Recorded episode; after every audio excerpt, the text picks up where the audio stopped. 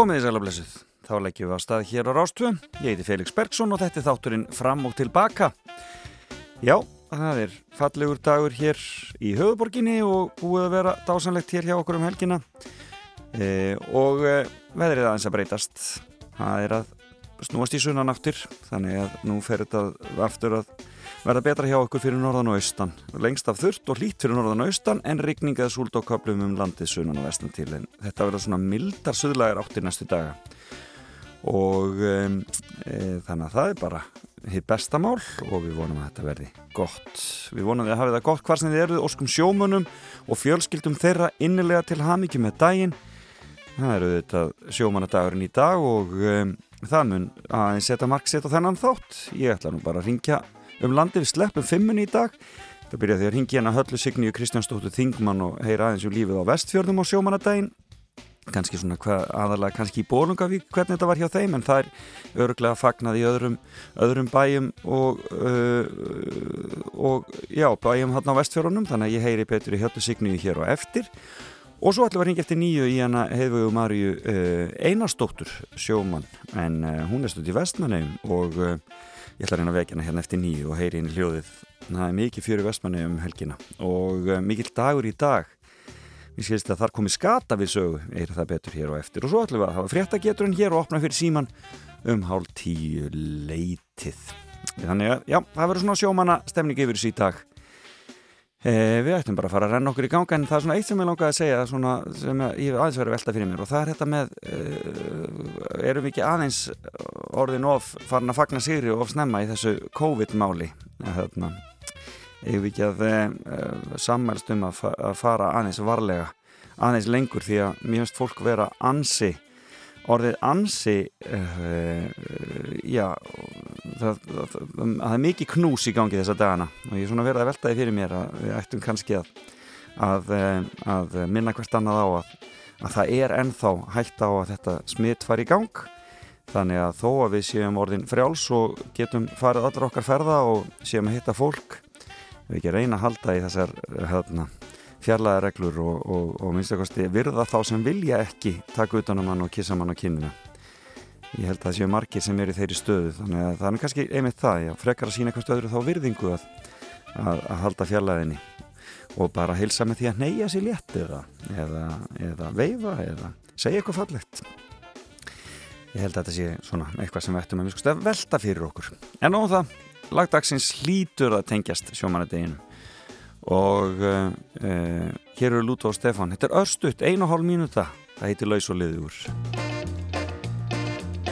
og þetta er á 1966 Sigurður er sjómaður sannur vestur bægur.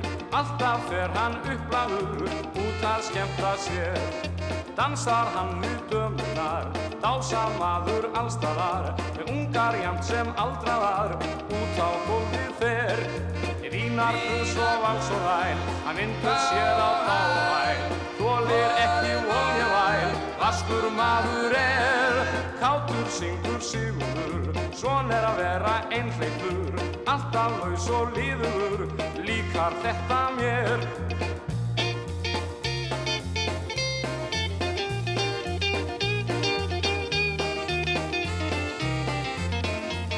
Dansar hann við dömunar, dása maður allstaðar, við ungar jamt sem aldraðar, út á gólfið fer. Í vínar, krus og vals og ræl, hann vindur sér á dáhæl, gólir ekki vonju væl, vaskur maður er. Kátur syngur sigurur, svon er að vera einhleipur, alltaf laus og líður, líkar þetta mér, laus og líður líkar þetta mér Þannig ljómaði það. Sigurður var sjómaður og hann var aldeilis laus og liður en um, Bubi Mortens áttu auðvitað eftir að taka þetta og, og í rauninni endur gera og þá með utangarsmönnum og e, í anda þeirra reyðu manna þá var þetta nú alls ekki svona e, ljúft og liðugt allt saman heldur e, var Sigurður orðin fatlaður og komin í hjólastól og fekk engar bæturnar af því að, að það var bara, gekk ekki neitt. En uh, við skulum vona að uh, að, uh, að verkalýsmál sjómanna sé á betri stað en það var kannski þá. Og að minnstakosti hefur slísum fækkað alveg gríðarlega. En þessi sjómanadagur er fyrsti sunnudagurinn í júni hvert ár. Nema ef hvítasunni ber upp á þann dag þá er að næsti sunnudagur þá er eftir og þetta er samkvæmt Wikipedia hér hjá mér en þetta er hátíðistagur allra sjómanna og dagurinn haldin, var fyrst haldinn hátílu 7. júni árið 1938 í Reykjavík og Ísafyrði en frá upphæfi 20. aldar tíðkast að halda sérstakar sjómanna messur í kirkjum landsins áður en þilskipin heldur til veiða eftir vetrarlægi. Og þetta var yfirleitt triðið að fjóða sunnudag eftir 13. og árið 1987 var dagurinn lögskipaður frídagur sjómanna. Já, já, svona nú það. En ég myndist á Bubba Mortens og reyðamannin e, í utangarsmönnum. Hann hefur nú á nú ímis andlitan Bubbi og hann átti ammæli gær. En hérna er eitt sem er gaman að rifja upp. Þetta er um stúrkona sem starir á hafið og þetta er kannski tilengað fjölskyldum sjómanna.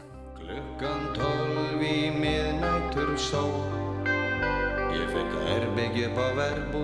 Það virtist í lægi með vask, borði og stól. Um morgunin gekk ég út á gotuna skoða Sá gömul vél hrælik út á ló Ég sá hús sem áttu sög og sem voru að deyja Það seitlað úr glöggunum bló. Það er stelpa sem starir á hafið Stjörf með augun mött. Hún stendur öll kvöld og starir á hafið Stóreig, doldið fatt Ég sá hana dansa með döpur græn augu Dansa líkt og hún væri ekki hér. Hún virtist líða um í sínum lokaða heimi Læstum fyrir þér og mér Hver hún var viss ég ekki En alla ég spurði sem áttu leið þar hjá. Þar til mér var sagt að eitt svartan vetur hefði Sjórin tekið mannin henni frá. Þetta er stelpan sem starir á hafið Stjörn með augun mött. Hún stendur öll kvöld og starir á hafið Stórið, doldið fött Þessi starrandi augur, haustgræn sem hafið, ég horfi hon í djúpið eitthvað. Þau speigluðu eitthvað sem aðeins hafið skildi, ángur vær Tæland og Köln. Upp á hamrinum stóð hún og starði við fjörðin, stundum kraup hún hvönninni.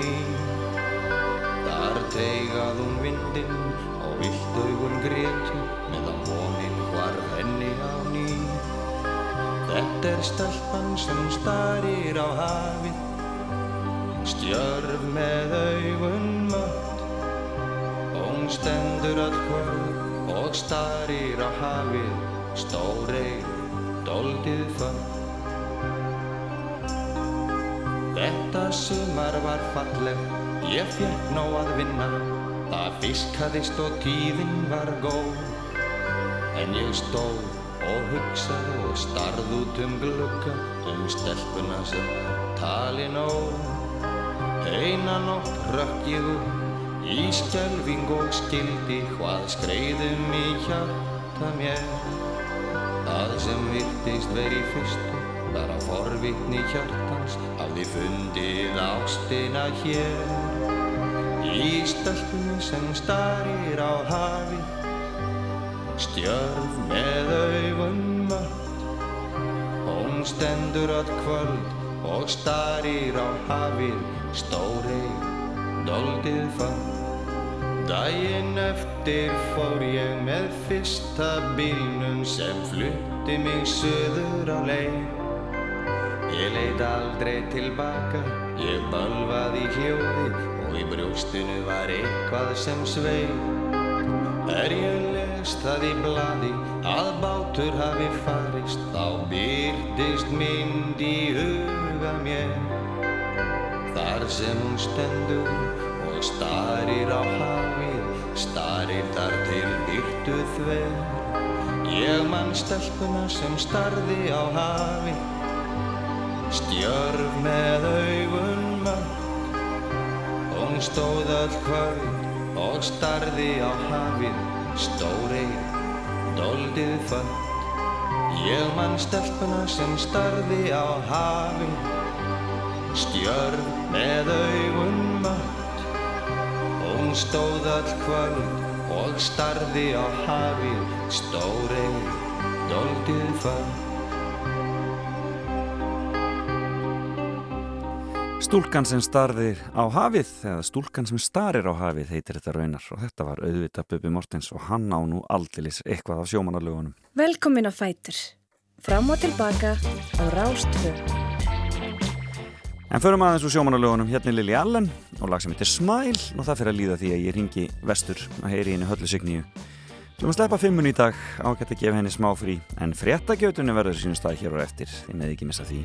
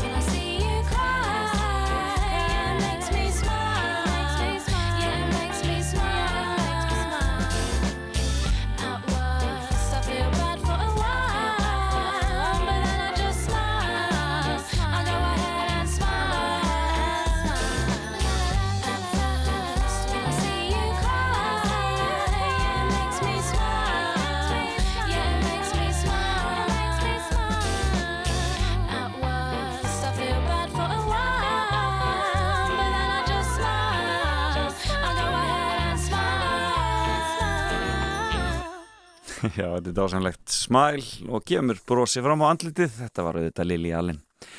En við vonum að þið séð að vakna hvar sem þið eruð og séð að njóta dagsins um, og um, það sé eitthvað að gerast víða. Það eru náttúrulega sjómanar messur víða og annað slíkt.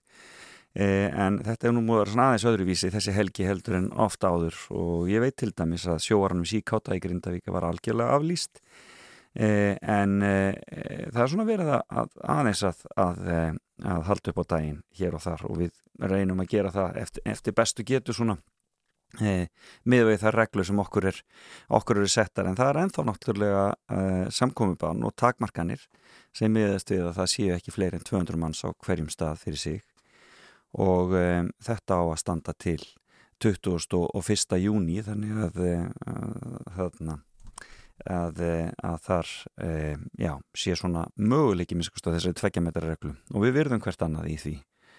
Mjög gott mál. En um, uh, fáum eitthvað viðbútt svo ringjum við vestur. Og stuðmenn. Hafa nú komið víða við. Og gott ef að þetta lag í myndinni með allt á hreinu var ekki sungið um borði í skipi. Kannski bara Akarborgin eða eitthvað. Það er sko skemmtilegt. Ég er dáin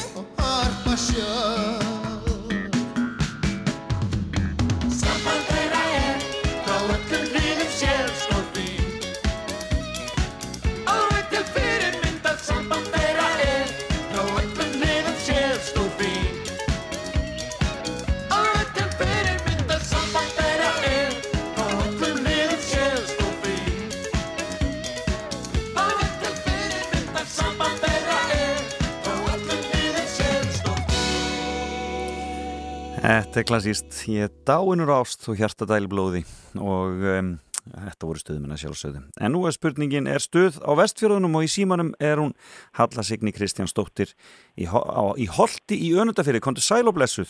Já, sæll og blessaður.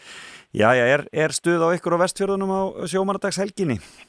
Já, við erum náttúrulega bara alltaf í góðu fjöri, sko. Það, veðrið var miklu betra heldur en að spáð og þannig Já. að við gátum ekki annað heldur en að halda eitthvað aðeins upp á þetta. Hvernig er norðvestanáttin, hvernig er norðvestanáttin hjá ykkur þarna? Er, er það, Hún var nú frekar, sko, hún var nú bara í góðu skapi, sko. Því að það varði ekkert svona kalt eins og þið spáðu. Það var alveg, fór, sló nú alveg vel yfir tíu stigin í gær og, Já. og sólskín og nú er hérna, fann að lifta sig yfir tíu stigin aftur en það er ekki sól í dag. nei, akkurat. En, en það er bara, en þetta er nú svona freka kald, í kaldara kantinum sko, en við erum nú vun að setja vel dúðuð yfir á hafnabakkanum á þessum degi sko, Já, akkurat. við erum með þetta í skápnum fötin sko, ef vantar kraftgalana og það. Já, það En kannski það ekki... er svona svo lítið svona, uh, svona kófi yfir sjómanadeginu núna uh, helginni, en, en það er að verða allavega hérna í bæði í Bólungavík og, og Flateri og og Suðureyri, þar voru svona ykkur hátíðahöld og Já, og menn eru þá kannski að reyna að vera aðeins kreatífir svona í því hvernig þeir, hvernig þeir nálgast þetta, eða ekki? það er svona ekki verið að blása til svona eins og, eins og það var ekki hátíðahöld og höfnin í Bólungauk eins og hefur verið náttúrulega mörg, mörg undan fann ár. Nei, heldur var þetta svona aðeins í lástæmda kantinum og, og hérna en það var, uh, og síðan er sunnudagurinn alltaf sko svona hátíðlegri. Þá eru messur og er að leggja blóðsvega minnisverðum sjómanna og allt þetta sko. Einmitt, akkurat. en það var svona ímislegt gert svona fyrir all- alla aldur sópa það var eins og til dæmis leikkópurinn Lotta, hún kemur hérna oft á þessum, þessa helgi. Já, einmitt. mjög vinsæll og ég veit að hjá okkur hérna þá mistu krakkarnir af síningunni Bólungauk og þá bara bruna á Suðureyri, það var bara ekki hægt að missa af henni, sko, þau eru mig. nefnilega, þau eru svo skemmtileg, þau eru svona bæði fyrir, bæði börn og fullóta, sko. Já, akkurat, og nú er það bakkabræður sem eru Mm, alveg hrikalega skemmtilegt hjá þeim. Ég fór á frumsýningunni virkilega, þaðan, sko, ég, maður hefur alveg staðið sig, ég ég kipti einhvern tíma spólu, krakkana og við stóðum okkur á því hjónin að við setja hana í sko í bíltæki þegar að þau voru ekki með sko það var það var svona bara já já, látið renna. Þá veit maður, að barnaefnið er vel hefnað. Þa, þá er það það en, en, en það er í hérna jú jú það var svona og svo er svona það er alltaf venjan svolítið að vera með svona árgangamót og, og ég veit að einu hérna 30 ára fermingaramali hérna á flatiri það er komið krakkar saman og En við sláum nú svona sjálfnast kannski þess að 200 metra, nei 200 hérna manna mót sko, þannig að, já, þannig að það er er- svona, þið þurfum ekki að stressa ykkur á því, sem sagt. nei ekkert svoleiðis, en, Nei. en hérna, en þetta er náttúrulega, já já það vor, var ímislegt svona gert til þess að minnast, en, en þetta er náttúrulega svo rík hefð hér að við verðum að, það er náttúrulega bara, það er ekkert sem að slæðir því út á borðinu, Nei, og COVID. og, og, sjó, sjá, og allt sem tengist sjónum er náttúrulega ennþá mjög ríkt í, í rauninni Já. öllu, öllu, öllu hjá ykkur, er það ekki ennþá Jú, það er það og, og hérna og það er nú kannski hérna eins og við segjum að hér hefur ekki, hér er þetta ennþá stór þáttur í vegum, hérna veginum hérna fyrir vestan og, Já, og, og hérna þá er það bara þannig að þetta er alltaf stór og, svona virkur hátíðstægur þótt að sé að þetta er náttúrulega haldið um all land og mismöndi virk, ég man eftir því þegar að ég flutti nokkur ár í borgarnes sko. Já, og þá rauk ég út á sjómandi, ég klætti krakkana upp og niður í bæ og það vissi engi hvað ég var að gera þar að spara fyrir sko. Á þessu degi En þetta Ein í er skrúðgöngu- okkur- ein í ein í skrúðgöngu- og bara hvað erum að vera og Já. ég náttúrulega rökkaðist bara nýra á Akarnes, þar var náttúrulega hátíð öld já, já, en þá er uh, 17. júni kannski þessi svona uh, sjómanadagur toppar alltaf 17. júni hér sko, Já, það er svoleiðis, já, það er svoleiðis sko. já, einmitt. þetta, Þetta er bara okkar já, okkar hátíðs helgi Þetta er svona mismunandi eftir, eftir en er, er, það, er það Bólingavík sem er svona stærsti sjávarútvegs staðurinn þá? Sko hérna, það er eiginlega svona, já hérna, já ég hugsa sko að það sé bara í bólgag sé náttúrulega svona, uh, svona alltum líkjandi sjómennskan og, og, og, og hérna fiskvislan og, þetta er svona stæðsti þáttur nýja atvinnulífin í bólgag, Já, akkurat. svona kannski hlutastlega og einslega er það líka á patisvirði. Þar, er, þar hafi líka verið stór hátíðahöld á, á einmitt. og þetta er eiginlega svona stæðsta helgin sko á patisvirði. Og hvernig það, Og- eru þið, eru þið farin að fá einhverja gesti? Er Íslendingar farnir að sækja ykkur heim? Er, verðið þið vörfið það að fólk er að koma? Já, ég, maður getur alveg, ég til dæmis kerði nú heim hérna að sunnan á föstudaginn og það var svolítið umferð sko. Já, akkurat. Það er svona aðeins verið að, að Um. svona lifna. Menn eru komnir á ferðina. Já, já, Og ég held það nú. þannig að það er, það er, þannig að það er, ég er ekki útlýtt fyrir það, það verði svolítið fólki á ferðinni í sumar. Jú, ég maður hefur heitt það sko og ég hef verið að hitta suma nú og, og sem að segja við mann fyrir sunna sko. Nú ætla ég að koma á vestfjörðina. Já. Þú getur ekki skroppið til London eða eitthvað. Nei, nei, akkurat. Að þá er akkurat þetta sem var eftir. Þá best að klára það sko. Já, og, já. og hérna það er bara vonandi að eh, allir bregði hjólum undir bót og, og renni svona um landið og, og, og kominga, það er allir tilbúin til að taka mótiðin hérna allavega. Akkurat. En hvernig, hvernig ætlar þú síðan að hafa sjómanadaginn sjálfan? Ég er búin að flagga Já. og síðan er ég hugsa um að fara í messu Mm sem að verður hvað, er, það, er það í Já, holti það er hérna á flatiri í fla- á til Flateyri, dæmis já, og svo já. er nú líka í Bónungavík veit ég Já. og, og þá eins og flatiri þá er hérna alltaf eh, lagður blóðsvegur að, að minnismerki óþekta sjómansi sem var reyndist nú hérna svo ekki, svo reyndar var þekktur því að því að það, var hérna eh, ungur maður sem að tók út af, ég held að maður hafi sérst eitthvað í, í stríðinu, setja stríðinu. Já, og var, fannst hérna og var jarðsettur og hann var ekki vita hver hann væri en, en síðan kemur í ljós að, að þetta var ungur normaður sem að fekk nafn og, og allt það. En, en þá er verið að leggja náttúrulega að hennar og þá er náttúrulega verið að minnast þeirra sjómanna sem að hafa farið í og ekki fundist. Og við náttúrulega, það, en þá er það nú að gera sko, þannig að þetta er alltaf hérna þetta má ekki valta sko. Nei, það eru margir sem að eiga sem að hafa mist í sjóin og, Já, og hérna ekki skila tilbaka ha- hafi tekur og hafi, hafi gefur Já, það er nú þannig bara það var nú bara ungu maður, að- bara ungu maður að fara núna fyrir ekki svo lengur síðan. nákvæmlega ég var eitthvað að hugsa, að hugsa til hans í og og, hans. og hans fjölskyldu og þetta er akkurat svona við eigum að minnast þess að það er það er ennþá svolítið hættulegt að vera við sjóin og, Já. en, en þetta er okkar að, stærsti atvinnuvegur eða, eða mikilvægasti og mikil, með þeim mikilvægastu sko. Já, þannig að þess vegna gerum við þetta og höldum því áfram. Sannarlega. Ég bara, við byggjum bara kærlega að hilsa vestur, óskum sjómanum Já. og fjölskyldum aftur til hamingi með daginn. Takk fyrir það. Gaman að heyri þér Halla Signi Kristjánsdóttir. Sömu leiðis, takk fyrir og góða kvæðir um allan. Sömuleiðis, bless, bless. Bless, bless. Og við skulum heyra í æringjum frá Flateyri. Þetta er hljómsninn Æving og lag sem heitir Fín Karl, Kerlingin hans. Þetta svona talaðir fyrir vestan, sko.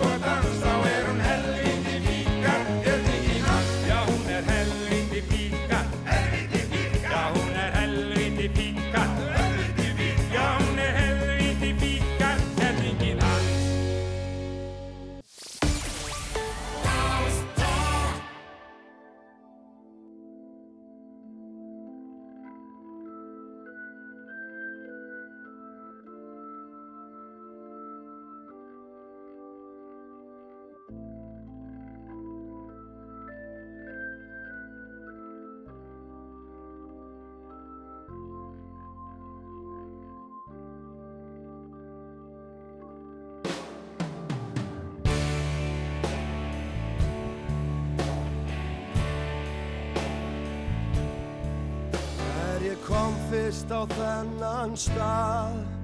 Ekki leist mér beint á það. Fólk vann hér alla daga. Við störfin hér og þar Hér og þar. Ég kynntist fólkinu Og kunni vel við það. En tíminn hann flög Og ég yfirgaf þennan stað. Er ég kom svo aftur? Ekkert hafði breyst. Frá því ég var ég síðast. Ekkert breyst. Ekkert breyst. Er það hafið eða fjöllin sem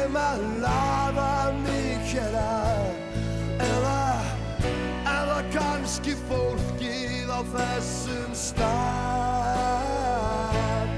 þessum stað.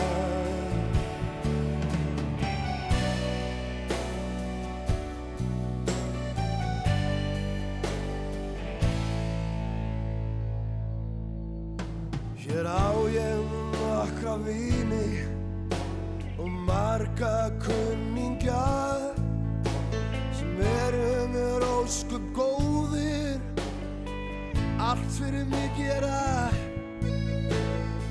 Fáir svartir sauðir nú í þessum bæ. Allt leikur í lindi í þessum bæ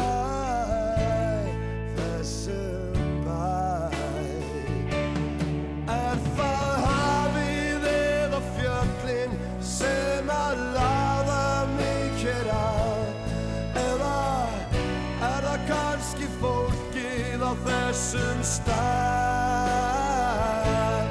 þessum stað.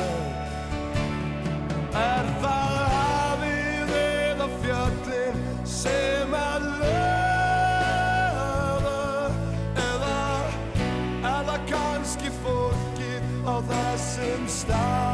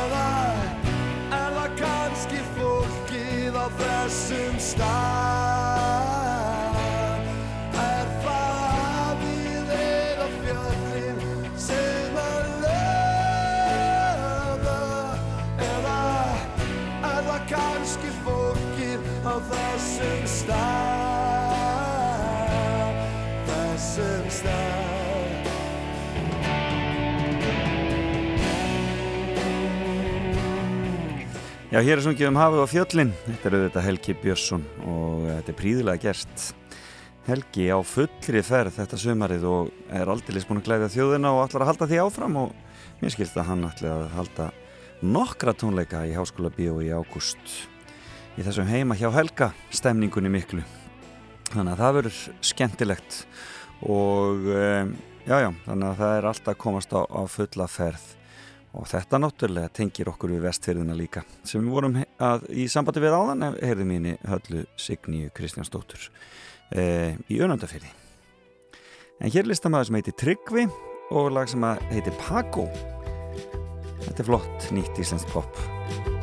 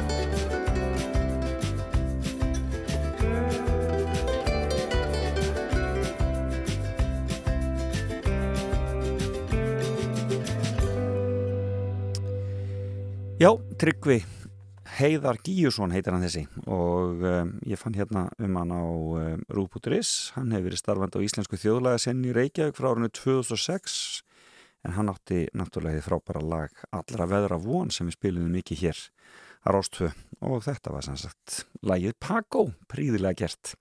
En það er sjómanalögin Haugur Mortens lítur öðra næstur. Simbi sjómaður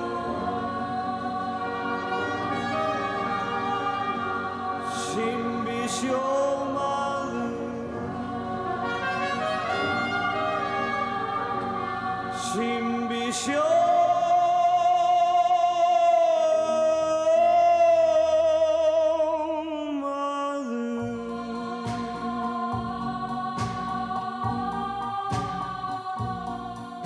þekkjum öll hann Simba litla sjómann er siglið djart um höfin blá. Hann er í leit að lífsins ævintýru með lífsitt fullt af heitri þrá. Til hennar sem er Simba sól í draumi og söngvar allir líkja til. Til hennar sem er Simba sól í draumi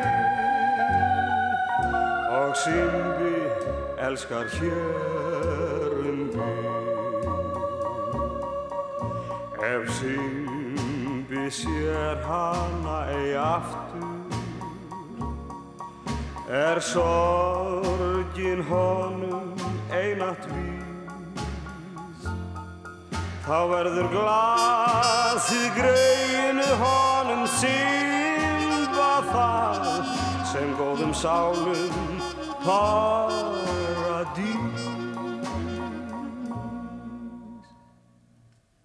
Simbi sjómaður.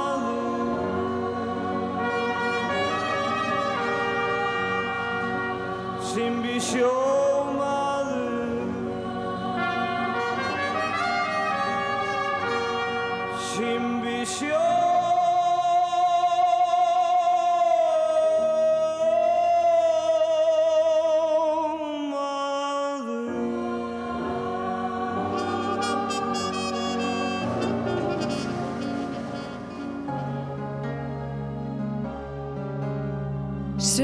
Sunnudagssæla á Rástfö Fram og tilbaka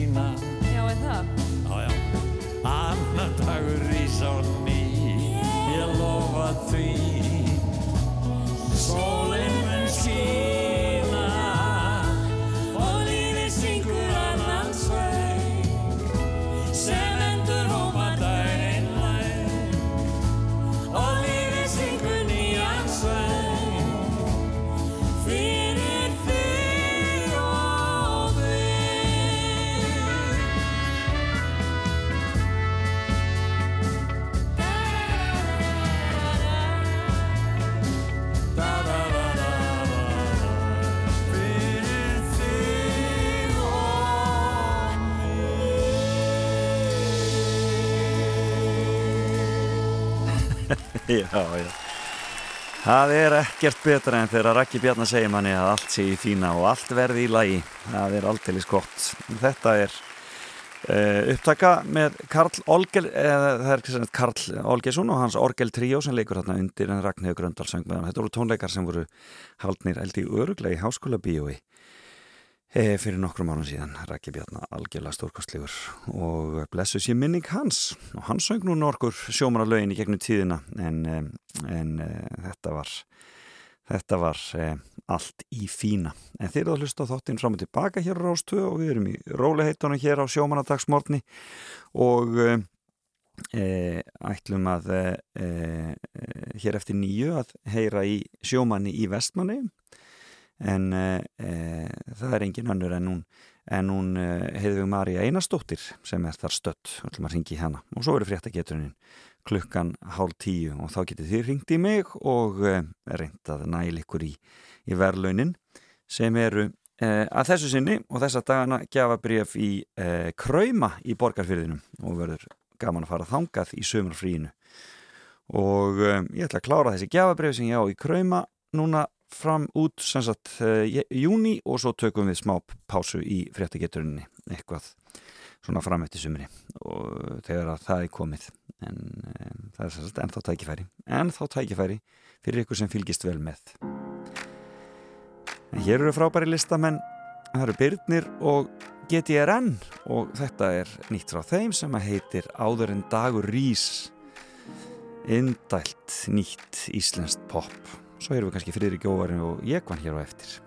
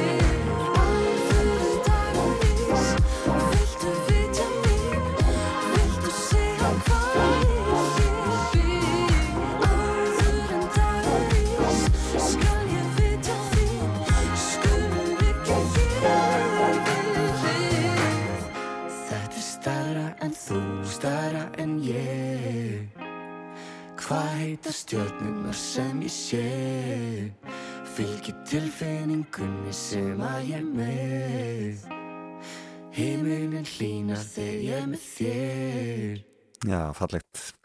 Þetta var fallegt. Já, heiminin hlínar þegar ég er með þér. Við hefum mögulega einu lagi viðbót en við förum í tilkynningalestur og fréttir hér klukkan nýju.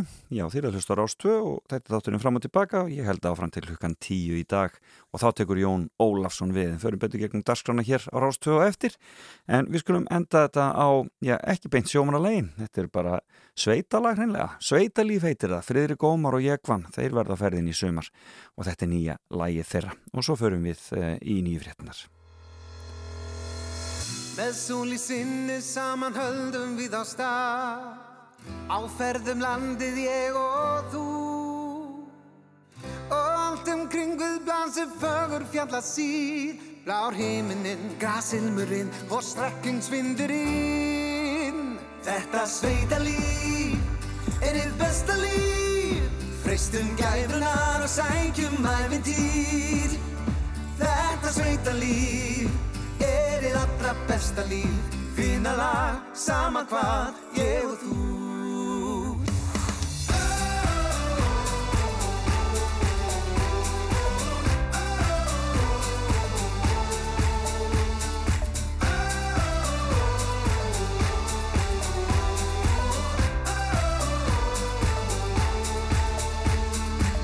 Og þegar komum við á áfangastað Þá gerðan skortir okkur orð.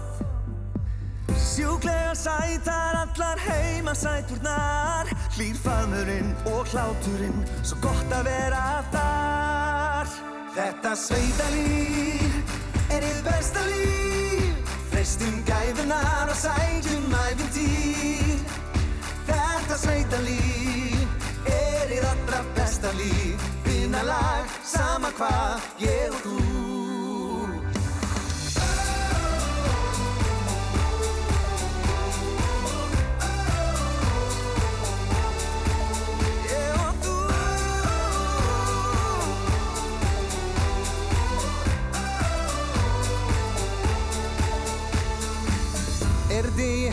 hallar sumar nóttin læðist inn. Mm, Þakkum við fyrir góðan dag. En strax er sólar upp brás hendumst við á stað. Í dalina og fyrðuna Hittum við þið þar. Þetta sveita líf er þitt besta líf. Freistum gæfinar og sækjum æfintýr Þetta sveita líf er þitt allra besta líf. Vinalag, sama hvað, ég og þú. Þetta sveita líf er þitt besta líf. Freistum gæfunar og sækjum æfintýr Þetta sveita líf er þitt allra besta líf. Vinalag, sama hvað, ég og þú. Vinalag, sama hvað, Ég og þú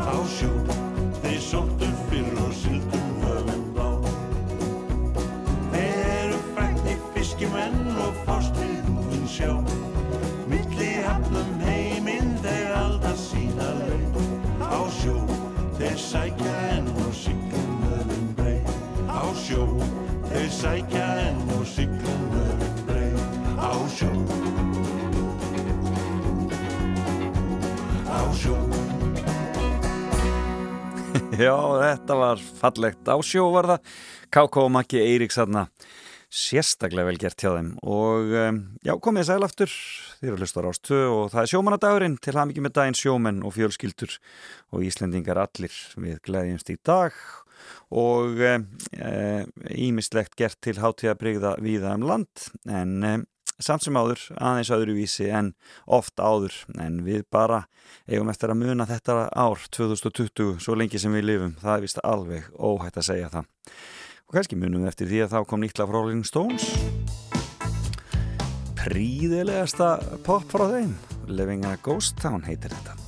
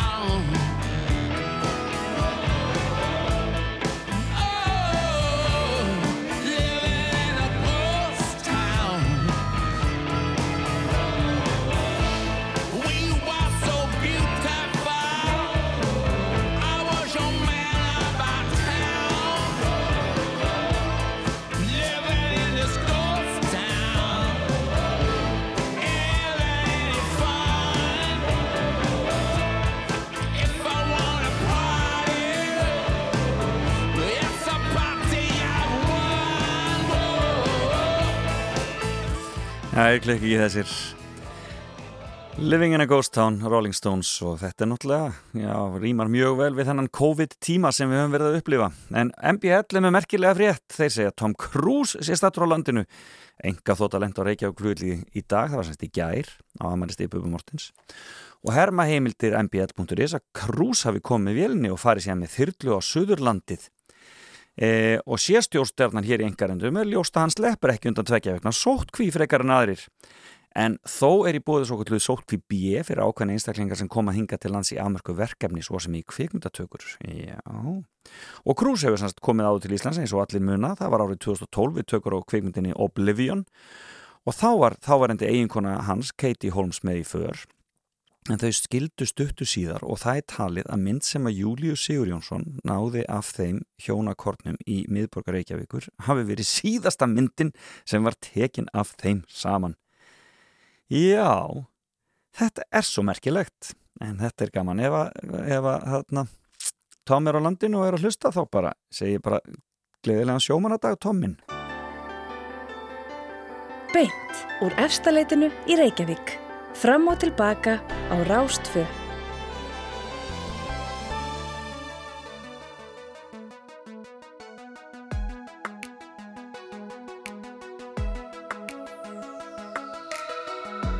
Þegar öllu er á botnin fór Sjáum við aftur skóginn fyrir bagminum Það er öðrum fræði okkur hótt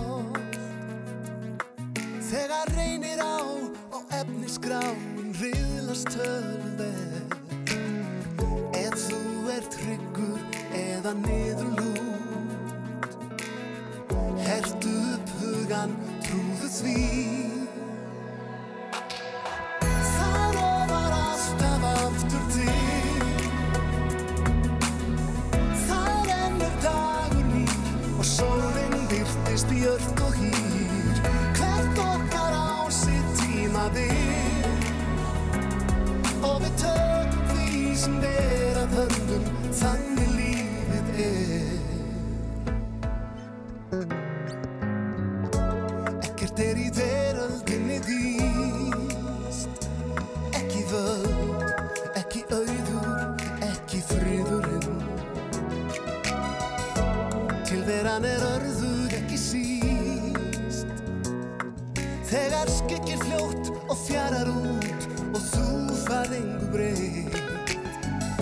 sértu vondöfur og ráðalaus. Látt ekki bugast þínur minn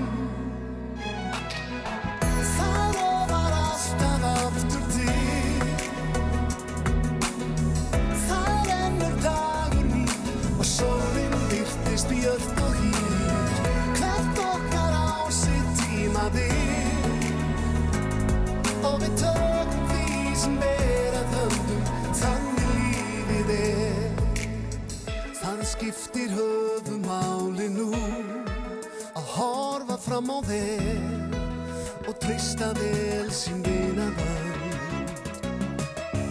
Það verður allt í góðu lægi vittu til.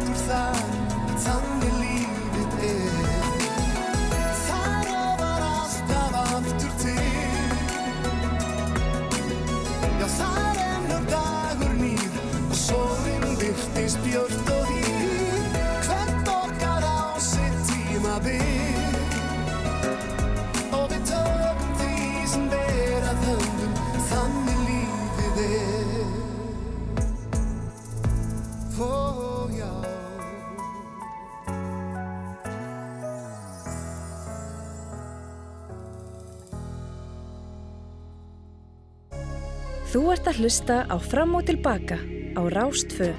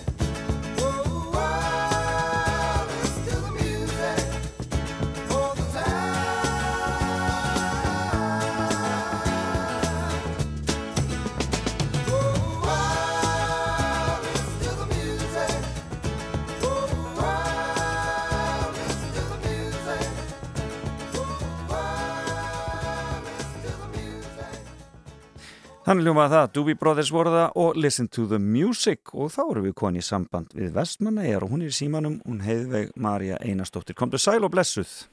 Sætlablessar og góðan daginn. Góðan daginn. Já, hvað segið þið á sjómanadaginn? Og til hafmyggjum með daginn í, eh, í allstaðar sem þið eruð og þú sérstaklega heiðveig.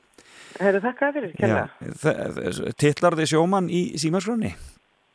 Nei, ég gerði það nú ekki alveg. Nei. Við telstur ekki sem slíkur þess að ég starfa svo en þá. Já, akkurat. En akkurat þú stödd í eigum?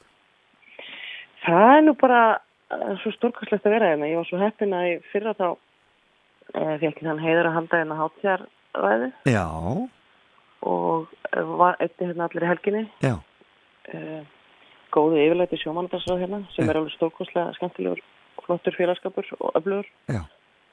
Og þeir eru alltaf með mikla skipulagningu og mikið metnað í sjómanadeginum. einmitt. og hérna og, hana, og svo býr hérna einn besta vinkona mér hérna líka þannig að það kom ekki þannig til grein heldur en að kíkja bara hinga þessu helgina Og er búið að vera ljúft í eigum? um- Það er náttúrulega búið að vera indislegt veðrið. það er búið að vera alveg stórkostlegt það er alltaf bara það kemur einhver ró yfir mann hérna Já.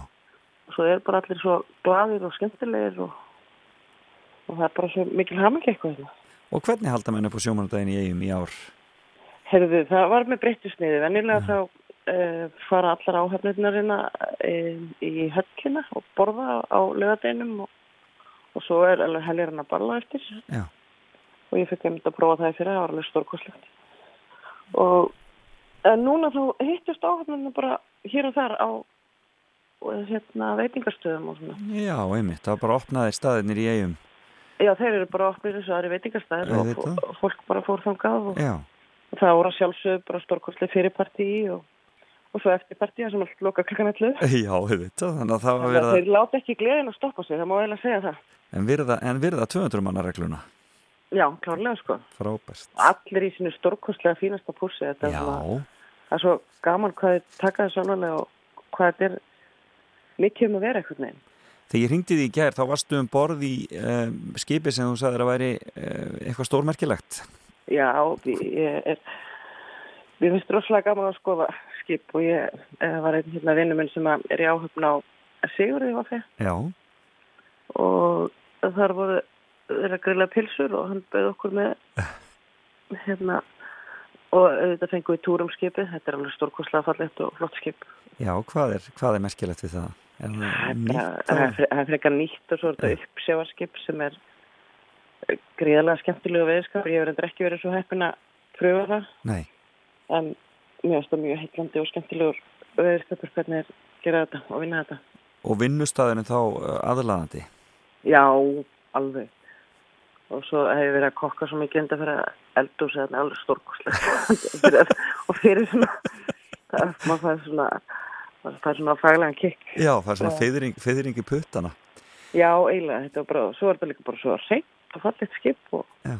velum gengið og, og mannaýbúðnar og aðstæðan til stórkoslega til fyrirmyndar. Þú stökst svona fram á sjónasviði þegar þú komst í þarna, og vildi fara að, þig fram til trúnaðastarfa fyrir sjómenn Já.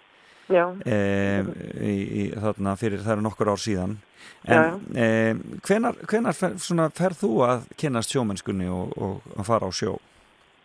Sko, bara, ég er náttúrulega alveg upp við, upp við þetta. Pappi minn var skipstur og stýrmaður eh, lengi vel. Já, og starfaði á mörgum skipum hér og þar. Já, og hérna, þannig að þetta er svona alltaf búið að vera þess að bakum hann og svo er batsvæður minn sjómaður og, og maðurinn minn í dag er sjómaður þannig að þetta tengist allt og ma- maður allt, ég hugsa alltaf sko akkur er alltaf svona mikil átök og læti í kringum þetta? Og svo er þetta í kringum verskvalli sem var hann hvað var ekki 2006 nei 17 eða eitthvað minni mig. Það var óbúslega langt og ég fór bara að skoða þetta. Af hverju er svona mikil heift í þessum samskiptum alltaf? Já, og af hverju þarf þetta alltaf að vera svona og enda endalust í verkefni. Og svo til dæmis erum við samningslaus eina ferði nefnana. Já, aftur. Þannig að ég var um að hugsa í morgun bara hvað það verið fallegu dagur en samt svona í skugga þess að að vera alltaf í svo vesinni já.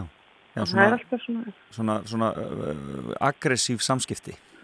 já, þetta eru leiðilega aggressív samskipti. Það er ekkert tröstan á milli milli útgerða og sjómana einhvern veginn. Og, mjög á mjög mörgum stöðum, vissulega eru margar fínar útgerðir og allt það, en það er einhvern veginn bara svona, það það, ég veit ekki alveg hvað hefur einhvern veginn. já. Þannig ég fór bara að skoða þetta og mér fannst einhvern veginn að það var alveg hægt að gera betur og væri kannski líka bara fyrir að koma tími til að skipta um takt. Já. Það var það sem ég var svolítið að reyna að presentera Já. og vildi fá að taka þátt í því að koma nýja nálgun á þetta og en eins og ég veit ekki hvort fólk mann eftir hvernig það fór en við reyndum tvisvarsunum að bjóða fram Já, akkurat. Og við náðum því ekki. Uh, út frá í fyrraskipti þá þurfti ég að fara í, í hérna, málsókn við félagi mitt. Í gegnum félagstóm Já, til að fá yfirleitt að, bjóða því fram, einmitt. Já, og fá að vera í félaginu líka. Þegar þeir rákum úr félaginu þegar ég fór að tjá mig eitthvað á málefnilegan hátt. Og komið mjög ómálefnilega fram að mínum að þannig á þessum tíma.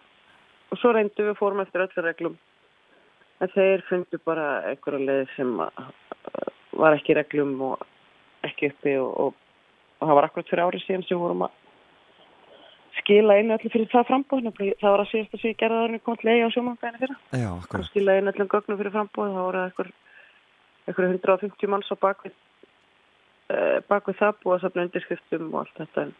En þeim fannst vant einhvern að lista frá æmskip Og því var hafnað fyrir vikið. og það, að það kemur, ekki, það kemur ekkert fram neins þar og við gaggrindum það svolítið og það, og það sem maður getur gert er að fara þennan aftur í málu og það er alltaf ennþá í skoðun sko. Af því að þetta er ekkert bóðlegt að þetta að sé ekki virt líðraði í svona félagum Sannarlega. og það komið verulega óvart en að margan átt að skýra það samt Það verður, aðtilsett að fylgjast með því og frammyndun í því. En sko Já. þetta sjómanastarf, þetta hefur breyst alveg gríðarlega á Já. uh, stuttum tíma. Er það ekki rétt hjá mér? Jú, svolítið og það er náttúrulega öryggismálun hafa verið voru tekið í gegn náttúrulega og með og það er alveg starf, það með, með tilkomið slísarðarskóla sjómanna þá hefur slísum á sjó fækka Já, og þá alvarlegur slísum sérstaklega og þannig að það er alveg mjög skemmtilegt en það eru þó enn slís og þetta er hættilegt starf en þá Akkurat, einmitt. og eins og þessi vetur var skelvilegur í veðri sko. það var alveg svikalegt stundum Og er það þá ekki ennþá þannig að það er erfitt fyrir fjölskyldurnar og makan að vera í landi og einhvern veginn, já, veit ekki alveg. Jú, Hvernig það eru þetta alltaf þannig. Þú þarfst að setja í ákveðna stellingar á ákveðin takt. Þú Og, bara hvað, og sem maki þá þarfstu bara að sætta þig við þetta og taka þátt í þessu. Því að mér er stótt stundum að, að því ég hef náttúrulega verið báð með við borðið Já, og er það raunur að mér er stótt stundum svona svolítið lemda sjóma. Þeir séu bara að fara heiman. já, Þeir eru bara að fara frá öll. En það er bara, þú veist, þeir, er jafn vant að fara og, og vera. já, akkurat, akkurat. Því að þetta er alltaf eins þú veist, þú missir af þú veist, þú missir af, af sko, og svo náttúrulega eins og sjómálskonu þær þurfa bara að setja sér líka aðra stellingar og þær þurfa bara að sjá um all já, akkurat. og það er bara staðan. Og það er bara, þú þurfa líka að vera tilbúinu þegar að fara einar í veistur, jarðarferð, brúköp og svo framvegis og svo framvegis. Já, einmitt, svo náttúrulega þegar eru börn og svona þá er þetta alltaf helmingi erfæra einmitt. Þannig að þetta er, þetta er, svona, eh, þetta er, þetta er líf sem fólk velur sér en er svona eh, aðeins öðruvísi heldur en kannski það sem við þetta er öðruvis en svo aftur á móti kemur að það er fríin á milli. Já, þannig að það er svona þú, þá ertu bara heima allan tíman og maður næst og mörgleiti finnst mér það svona uh, betra því að það er ákveðin tókstreitt og stress að vera alltaf allir út fyrir klukkan 7 og allir út og allir í vinnu og svo allir heim klukkan 6 og Já, það er alveg Það það er alveg gýrin líka sko. það er hinliðin á peningnum, sannarlega. já, já, akkurat En hérna, dagurinn í dag, þú ert á leiðinni eitthvað mikið geim hérna á sjómanadaginn, eða ekki? Já, það er alltaf, það er alltaf mikið um að vera hér og Já. það er líka sunnudegin sko. Já, og hérna uh, þegar ég var inni fyrir þá bauði sjómanandarsómir í skötu sem var hjá Otnaði Jónsson og hefur verið þar í fjöldamörg ár ég er skemmtilegt. og hérna og það var dásanlegt og, Og, hvað var aftur í eftirrétt? Það var eitthvað alveg sérstakt. já, það var dásanlegt hérna blábærjarsúpa með hérna með rjóma og týpökum Já, þetta er það alveg, já þetta var mjög og mjög skemmtileg hefð og þeir eru rosalega hefðafastir þessi strákar Já, sem eru í þessu og þeir, eru með mikið prógram og fara alltaf í messu saman og, og eru allir alveg stórkostlega fínir alveg bara svona allra fínasta púsi. Auðvitað. og hérna og nú erum við að fara í það verkefni eftir smá stundu að undirbúa það og græða það og þeir buðu mér aftur með. Já, þannig að það er skatan enn á ný. já, það er bara skemmtilegt. og þetta er mjög skemmtileg hefð og þeir eru svo hefðaðfast í vestmanning og fólk veit hann kannski og eins og þetta, þeir aðlega sér bara aðstæðum og, og því sem er í gangi og í gær var hérna uh, skemmtun á bryggjunni sem þeir sjáum líka Já. og mjög vel ílagt og undirbúið og alls konar spætingakeppni og kottaslagur náttúrulega, það sjálfsög En nema hvað, það verður að detti í sjóin, einhver Já, verður að detti í sjóin. eitthvað, það er eitthvað svolítið sko. og bátsferðir og, og svo náttúrulega þegar veðrið er svona gott að þá er þetta ennþá betra Frábært. Heiðveig, Marja, var gaman að heyri í þér, ég bara byrð kærlega að hilsa til eiga og öllum sem þú fyrir. þar. Óskum, óskum ykkur aftur til hamingi með daginn og, og njótiði skötunar. Herðu þakka fyrir kjæla Takk fyrir, takk fyrir spjallið Já, takk, já, bless, bless. Takk, bless Og hvað er betra heldur en paparnir til að klára þetta? Í kvísla yfir hafið. Er nafur vindur nýstir kalda kinn Og nóttin breyðist yfir bátinn minn. Ég kemst ekki hjá að hugsa Vina heim til þín. Og hugsunin hún örvar handtök mín. Þó öldu dalir okkur skilja. Ástil þín ég geim í hjartastað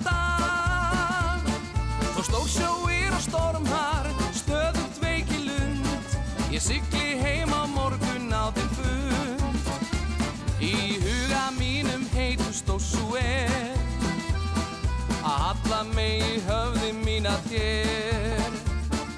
Lokka bara strjúka Líta augun í. Lengi hef ég beðið eftir því. En þólinn mæðin þrautum vinnur á. Með þólinn mæði flest er hægt að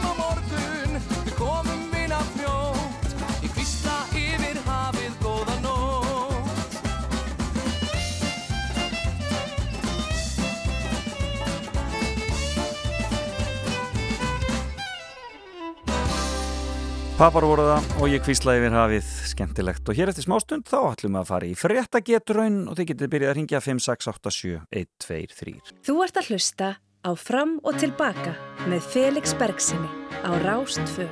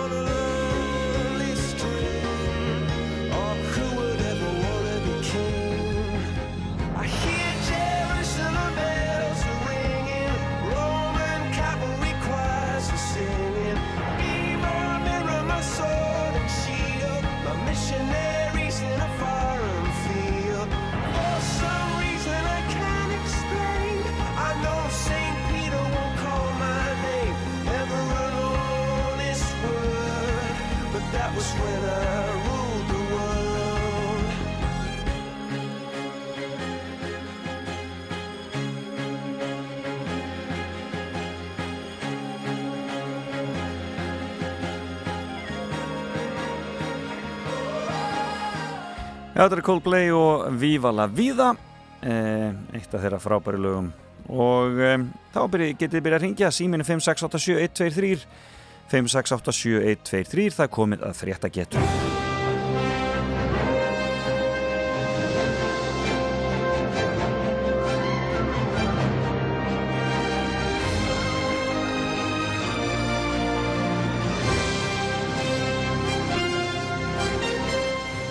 Já, fréttageturinn í dag, hún er eins og vennilega, við reynum að forðast COVID eins og við mögulega getum og reyna að finna einhverjar aðrar fréttir í vikunni og það eru margar skemmtilegar að þessu sinni. Ímislegt sem er búið að vera í gangi og e, við skulum bara aðtúa með fyrsta hlustanda hér og förum í línu 5. Góðan daginn! Góðan dag! Já, hvaðan daginn. Sælu blessu, hvaðan ert þú að ringja? Ég er sett á þingvöldum. Já, þingvöllum, það er nú ekki sjóman, það nú ekki sjómanadagsháttíð þar. Nei, nei. nei, nei. Heyrðu, við skulum skella okkur í fréttageturina og um, byrjum hérna í fordleifunum. En fordlega fræðingar í Ísrael hafa fundið aðteglisvert efni í rústum við hérna Fornuborg Arat Ísrael. Og ég spyr hvaða efni er þetta sem talið er að nota að það hafi verið við trúaratefnir í fornöld og hefur nú komist í fréttinnar. Herri, ég er ekki með þetta. Þú ert ekki með þetta?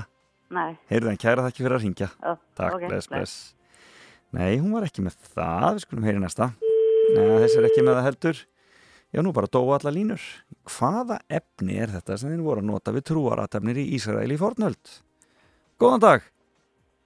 Góðan dag. Sælulest. Veist þú hvaða efni þetta er sem ég er að spyrja um? Sem að fannst við, við trúaratefnir í henni Fornuborg Arat í Ísrael. er ekki ösku. Ö- ös- Ösku? Ösku, já. Nei, nei, það er ekki rétt. Nei. En takk Já, fyrir kærlega, takk fyrir að ringja. Já, Já. Nei, aska hefur nú öruglega oft verið notuð en ekki, það er ekki það sem ég er að spyrja um. Góðan dag. Góðan daginn. Góðan daginn. Og bless. Veist þú hvaða efni þetta er sem þeir notuðu við trúaratafnir hérna? Herðu, ég held að þetta hafi verið hass. Það er bara hárrétt hjá þér. Það voru fíkni efni. Hass var það.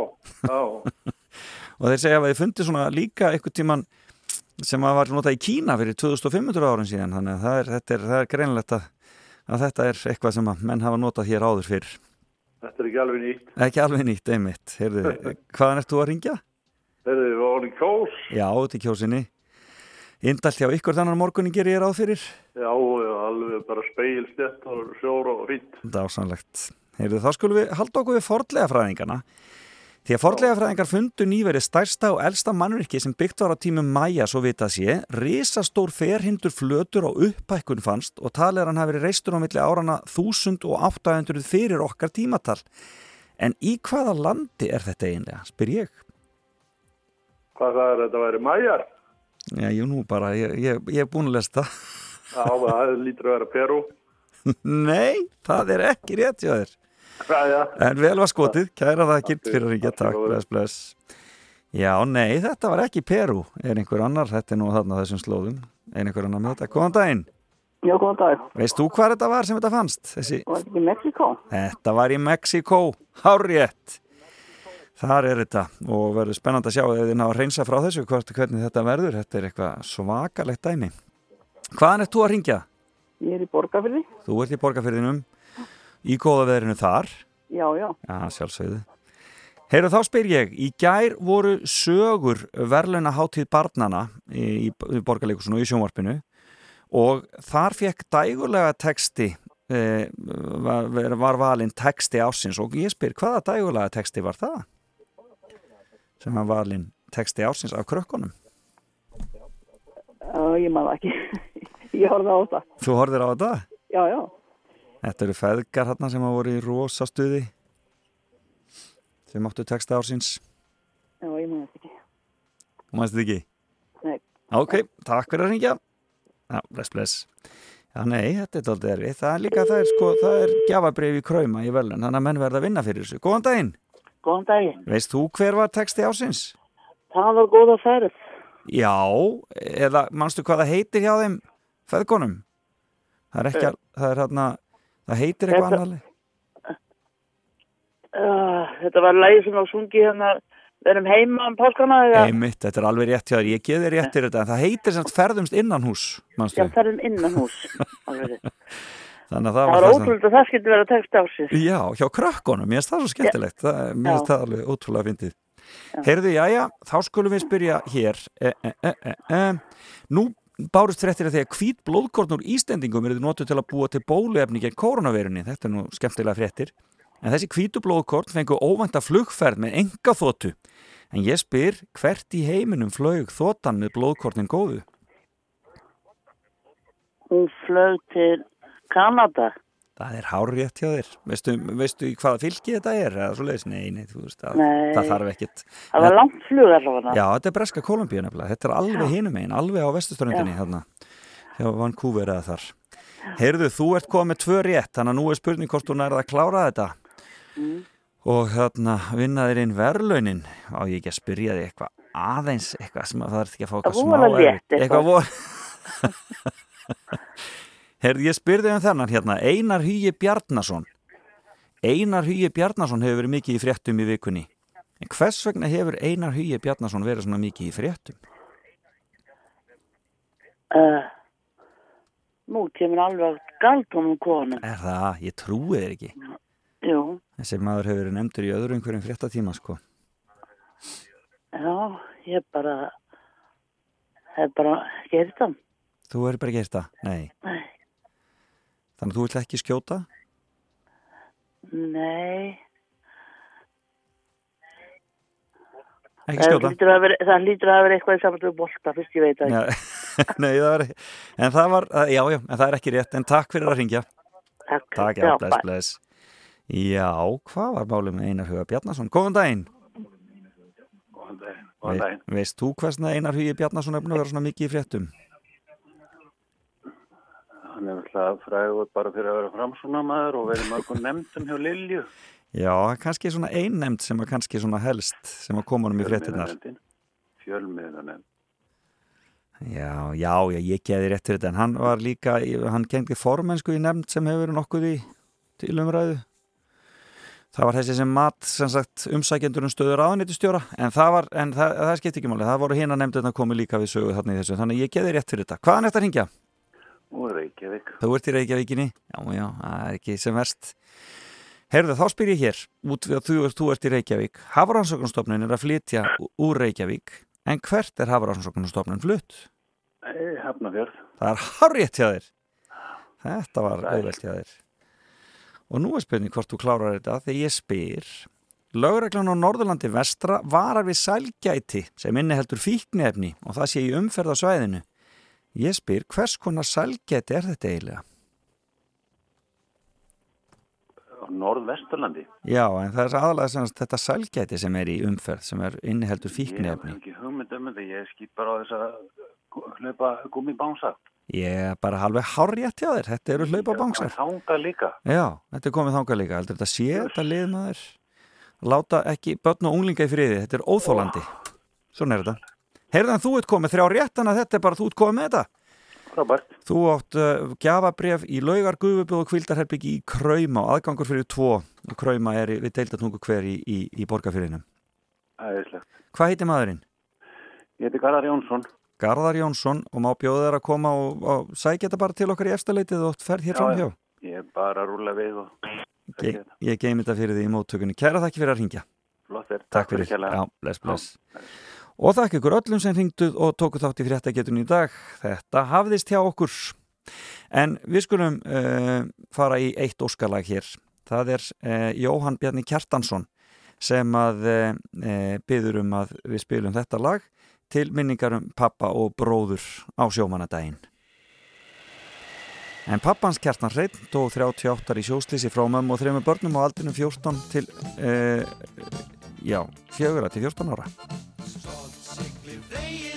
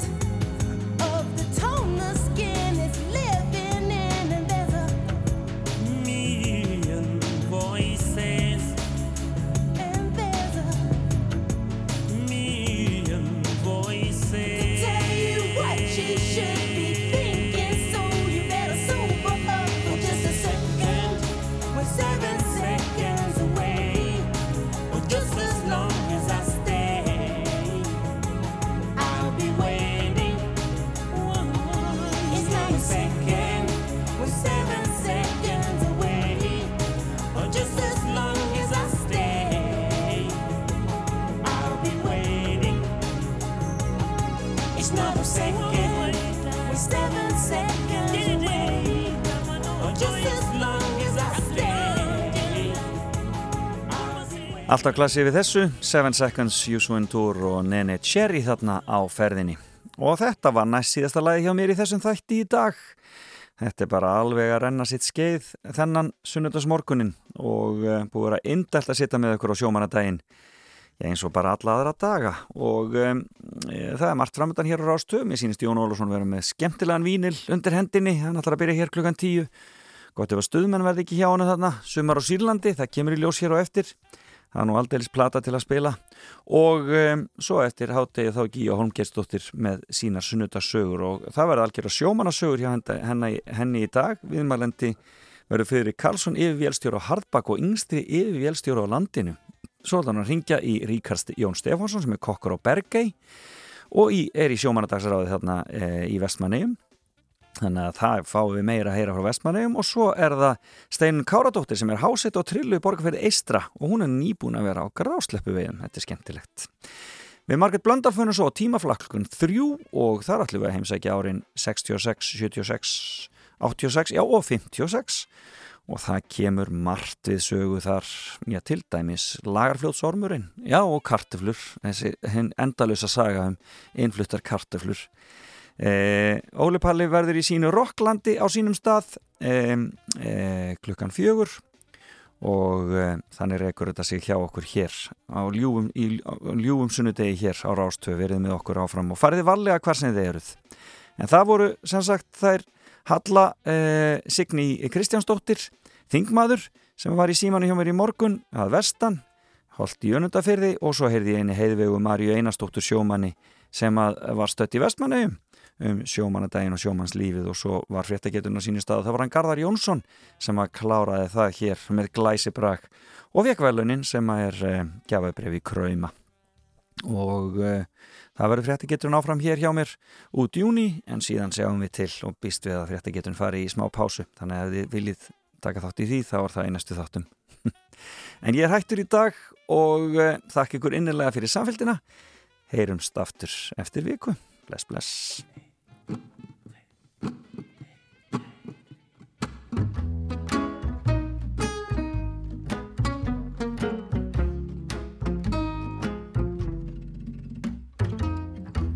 Er í sólarhingnum við. Ég kúpla út í leitað frið Ég fer af stað nema nema hvað. Að finna logn í hver við bygg Hún tæmdi mig. Öll ábyrðinn og flækjustig. Og er það frá fúsar ykkur á. Og loksu silt á hennu mig